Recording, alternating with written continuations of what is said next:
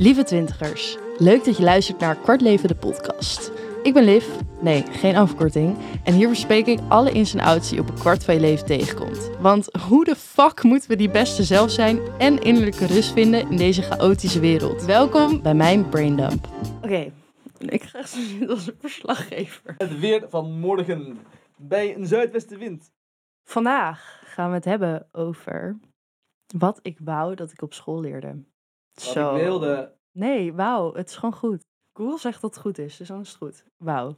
Wat ik wou dat ik op school leerde. Ik kan wel even vertellen over hoe mijn schooltijd überhaupt was. Want zo. Ik heb op drie middelbare scholen gezeten. Alle drie heel anders. Een kunstschool, dus echt met drama, meme. Ik kreeg een meme. En eh, beeldvormende kunst. Nou ja, alles op en aan, dans, dat soort dingen. En echt op een hele strenge school waar echt gewoon...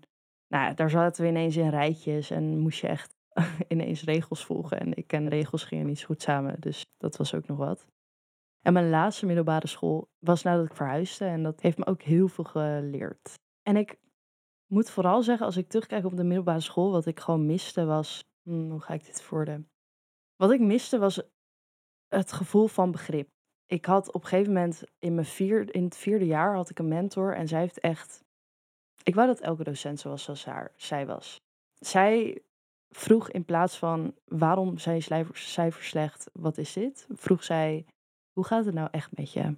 En dat heeft mij zo geraakt, omdat ik merkte als tiener zijnde, kijk, je staat gewoon best wel los van de volwassenen, toch? Ik bedoel, laten we eerlijk zijn, je hebt gewoon je eigen wereld waar je in leeft. Het liefst doe je geen flikker. Eigenlijk komt dat allemaal voort uit gewoon vette onzekerheid. En gewoon echt geen idee hebben met wat je met jezelf zeg maar aan moet. En laat staan met de mensen om je heen. En deze vrouw die zag dat gewoon. En dat raakte mij echt heel erg. En daardoor deed ik wel gewoon normaal tegen haar. En kon ik echt hele fijne gesprekken met haar voeren. En omdat zij me gewoon behandelde als ja, een mens. Punt. En ik miste dat heel erg op school. Het was heel erg daar al eigenlijk over presteren en cijfers halen en er zijn. En als je er niet was, dan slecht. Terwijl in ja, ze vroegen niet waarom was je er niet, gaat het wel goed? Ze vroegen waarom was je er niet, je weet dat je nu moet nablijven. Dat hele systeem van moeten komen om maar er te zijn en om te presteren, dat heeft nooit bij mij gepast. Ik ben echt iemand die heel veel waarde hecht aan vrijheid. En ja, als mensen mij gaan vertellen wat ik moet doen, dan ja, ga ik daar een beetje tegenaan trappen. Ik vind dat lastig. Ik weet ook nog dat leraren die waarderen het niet. Zo had ik een docent die op een gegeven moment zelfs tegen mij zei: ehm, Liv, weet je waar jij eindigt? Achter de kassa. Janken dat ik moest. Ja, ik vond het heel kut. Want wie was hij om te zeggen waar ik zou belanden? Weet je wel, een docent hoort je te inspireren. En nou ja, dat was natuurlijk alles behalve wat hij deed. Dus ja, dat was wel echt wat ik miste. Gewoon een beetje begrip en gewoon het gevoel dat je allemaal maar mens bent. En niet dat een docent zomaar boven jou staat of beter is dan jij. Dat, nee, dat kon nooit bij mij in. Ik bedoel, zij hebben net zo goed hun struggles. En hoe ouder ik word, hoe meer ik alleen maar denk van jeetje, we zijn allemaal eigenlijk gewoon nog steeds peuters die maar wat doen alsof we volwassen zijn. wat ik ook heel erg miste was echtheid of zo. Zeg maar, als je kijkt naar gewoon de, de leerlingen, ook nu op het HBO. Oh, dat vergeet ik even te vertellen, maar ik ben nu al drie jaar bezig met mijn studie en ik zit aan het begin van mijn tweede jaar. Vorig jaar heb ik er helemaal uitgelegen en toen dacht ik, dit jaar, ik ga het oppakken. Ik kan dit, ik kan dit. En toen kwam ik op school en elke keer als ik thuis kwam, huilen, huilen, huilen. Het lukte gewoon niet. Het lukte gewoon echt niet. En ik zat dan in die metro en dan keek ik om me heen en ik voelde gewoon zoveel stress van anderen. En ik voelde dat mensen gewoon zo, voelde zo depressief of zo. Iedereen die was alleen maar ergens naartoe aan het gaan en totaal niet. leek totaal niet gelukkig. En ik wilde daar niet tussen horen. En het voelde wel alsof ik daar tussen hoorde. En waarvoor deed ik het? Ik, ik, dacht, ik dacht gewoon van jongens, ik wil gewoon even leven. Ik wil niet hier in die collegezaal zitten, al die informatie in op me nemen en een marketingplan maken voor de action. Ik wil leven. Ik wil daar naar, naar de natuur. Ik wil naar de zee. Ik wil zien wat de wereld te bieden heeft. Dat wil ik doen. Ik wil niet achter een laptop zitten en eindeloos typen over één onderwerp in duizenden woorden, terwijl ik het ook in één zin had kunnen samenvatten. Ik wil, ik wil meer. En toen ik, toen ik gewoon besefte dat dat systeem op dit moment in elk geval gewoon echt niet bij mij paste, toen viel er zo'n blok van mijn schouders. Dat komt gewoon omdat het allemaal zo erg op prestatie gericht is. En dat miste ik gewoon heel erg op school. Dat het heel erg over dat. En dat is denk ik gewoon heel Nederlands en Westers of zo. Dat je heel erg kijkt naar carrière en baan en cijfers. Terwijl, wat, wat, hoe gaat het met je? Weet je, hadden we lessen gehad vanaf de peuterschool over hoe voel je je? Check in met, met je gevoel. En oh, eten. rotti, yes. Tutorial, hoe eet je rotti? Met je handen. Zo, de rotti was lekker. Ik zit wel een beetje vol. Dus mijn gulp die staat open. Waarom deel ik dit? maar goed, in elk geval, waar waren we? Oh ja, dat ik wou dat het op school ook echt ging over hoe het met jou gaat. Ik bedacht me laatst van, ik heb, ja, dit is echt hele random informatie ineens, maar ik heb vorig jaar, uh, ging het echt vet slecht bij mij. En toen heb ik even zeven weken in een kliniek gezeten. En daar had je dan groepsessies en dan checkte je in met hoe je voelde. En ik dacht van, gewoon hoe je daar over je gevoel praat en gewoon echt bent. En ook elkaar in elkaars waarde laat. Het is gewoon zo afstandelijk allemaal. En misschien ben ik de enige die daar waarde aan hecht. Maar je leert daardoor zoveel maskers op te zetten. Omdat je een soort van constant bezig bent met erbij te horen en iets zijn wat je niet per se bent. Omdat je dus het idee krijgt dat, dat wat je bent niet goed is. En dat is zo zonde. Waarom, waarom krijgen we dat idee?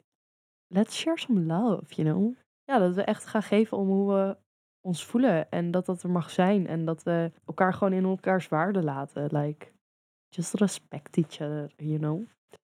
Ook op het HBO, nou moet ik zeggen dat daar gaat iedereen wel heel erg zijn eigen gang. Maar dat vond ik ook weer een soort van intimiderend of zo. Dat ik dan die college binnenkwam en dan voelde ik me zo. Zeg maar, je zat in een volle zaal, maar het voelde zo eenzaam.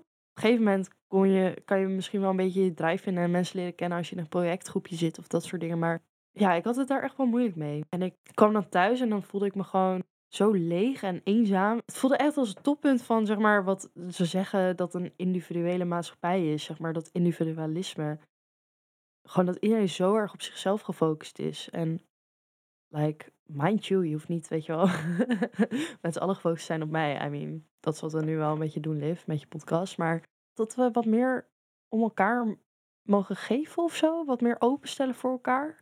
Gewoon, ja, eigenlijk komt het gewoon elke keer neer op die dat balans gewoon heel erg uit, niet, niet te vinden lijkt zijn. Wow, dat ga ik even opnieuw zeggen. Dat de balans niet te vinden lijkt te zijn in de westerse maatschappij. En dat komt dus ook heel erg terug op school. En um, dat thema balans ga ik sowieso nog een keer bespreken. Maar het is gewoon heel erg doen, presteren en uh, rust en tijd voor onszelf past daar gewoon weinig tussen. Ik bedoel, wat een uh, twintiger nu allemaal doet, het is echt... Soms dan denk ik, ja, geen wonder dat ik mezelf zo'n hoge druk opleg. Want mensen zijn tegenwoordig en aan het werken en gaan naar school. Willen ook nog tijd besteden met de familie of met hun vrienden. En dan tegenwoordig gaat iedereen voor mijn gevoel ook nog naar de sportschool. En misschien ja, als je overal een passie uithaalt. Oh, en dan hebben ze ook nog een hobby trouwens. Hoe combineer je dat allemaal? Hoe doe je dat? Ik, mij lukt het niet. Ik bedoel, ik heb school echt moeten laten vallen. Omdat het gewoon echt dat ene al zoveel voelde. Ik zag laatst zag ik een video, of dat is zo'n soort trend of zo, dat mensen laten zien wat ze allemaal wel niet op één dag doen. En sorry, maar dat soort dingen denk ik echt van, jongens, waar zijn we mee bezig? Waarom gaat het ineens over wie het meeste doet op een dag? Like, ga ergens anders je wedstrijd voeren, ik wil niet meedoen. het hoeft allemaal niet zo snel te gaan en take your time. Ik wou echt dat ik dat had geleerd. Ja, man dat het oké is om je tijd te nemen. En ik heb dat zelf echt geleerd. Ik heb zoveel zelf geleerd. Dat je leert om van jezelf te houden. Hallo, hoezo heb ik die nog niet eerder genoemd? Dat je leert om van jezelf te houden. Dat je er mag zijn. Dat, is, dat heb ik wel gezegd. Maar dat komt in de basis terug naar dat je van jezelf leert te houden. Ja, en bijvoorbeeld, dan heb je bijvoorbeeld economie. En dan leer je niet hoe de fuck je belasting. Dat is echt iets veel randoms. Maar hoe je belastingaangifte of zo moet doen. En daar leer je gewoon niks over. Like, zoek het allemaal maar uit. En natuurlijk, ik bedoel, die economiedocent is geen ondernemer. Hij zit gewoon daar een 9 eh, tot 5 baan te, te hebben.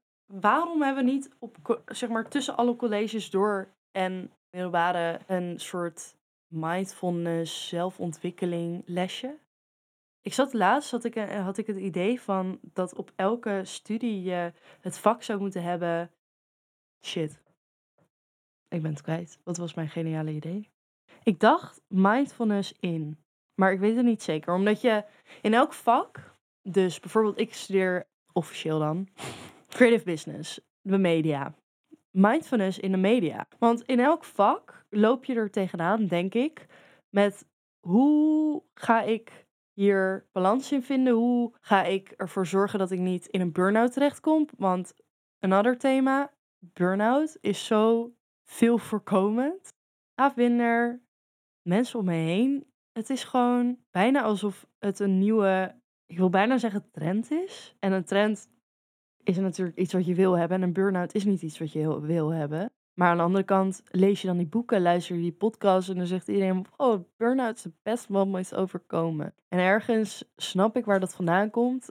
Ik heb daar ook wel echt veel van geleerd. Maar het zou niet nodig moeten zijn. Als we gewoon van tevoren die dingen zouden leren, dan hoef je niet zeg maar je zo miserabel te voelen. Zeg maar je miserabel voelen af en toe, dat is prima. Maar ja, een burn-out is gewoon, dat gun je gewoon echt niemand. Oh, oh, oh, positief. Self-talk, doelen stellen. Als je echt gewoon ook op school gewoon naar je persoonlijke doelen zou kijken in plaats van hoe leer je te plannen met leren. Nee, nee, hoe leer je je leven te, in te delen? Weet je, niet alleen school. Het draait niet alleen om school.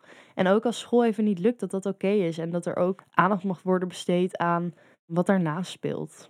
Ja, dat heb ik echt al tien keer benoemd voor mijn gevoel in een andere vorm, maar ik meen het wel.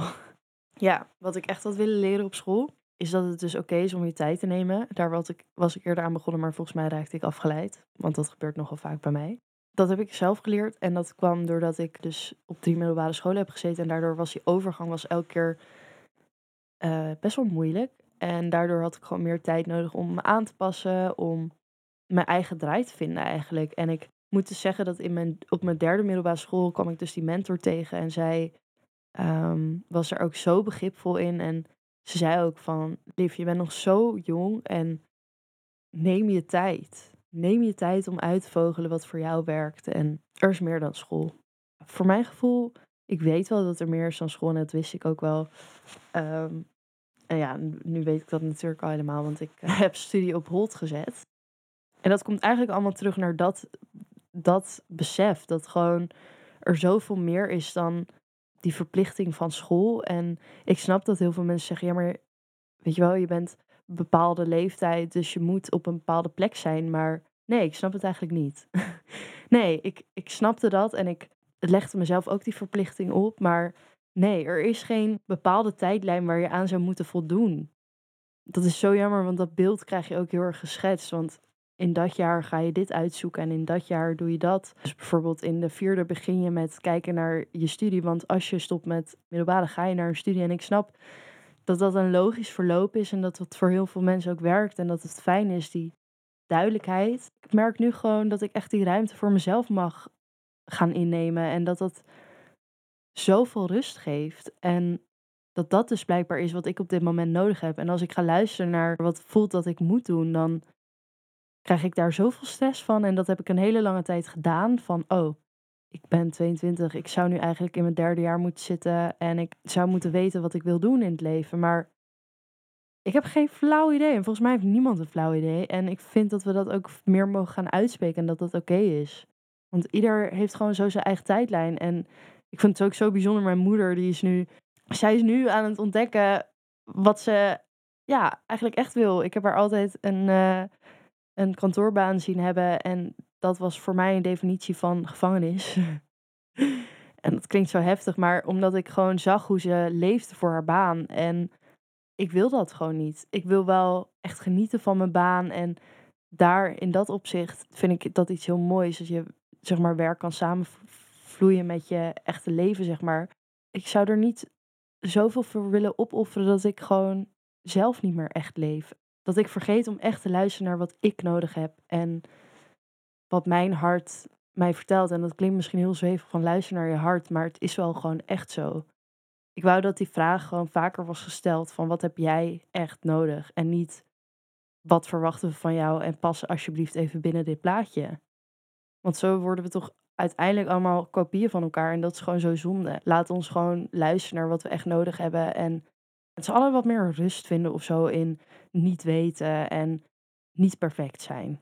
daar komt het denk ik een beetje op neer. Bij deze wil ik het eigenlijk ook gewoon afsluiten. Ik vind dat een heel mooi einde. Het, dit is echt een van hot naar her podcastje. In deze podcast zijn we very imperfect. ik hoop dat jullie een beetje een beeld hebben van hoe ik in mezelf een beetje alles bij elkaar lul. En dat jullie dat uh, wel als waardevol hebben ervaren. Ik denk dat heel veel van deze thema's die ik nu bespreek ook sowieso terug gaan komen aan alle komende afleveringen. Dankjewel voor het luisteren naar deze Braindump. Wil jij iets inbrengen, dan ben je altijd welkom om me een berichtje te sturen op Instagram. gewoon livel1 van 123v. En ja, laat vooral ook weten wat je ervan vond. Oh, je kan recensies achterlaten. Laat een recensie achter. Nice. Wel even vijf sterren. Een grapje. Zelf weten. Oh, en mocht je me willen sponsoren, goed idee. Let's do it. Tot de volgende jongens.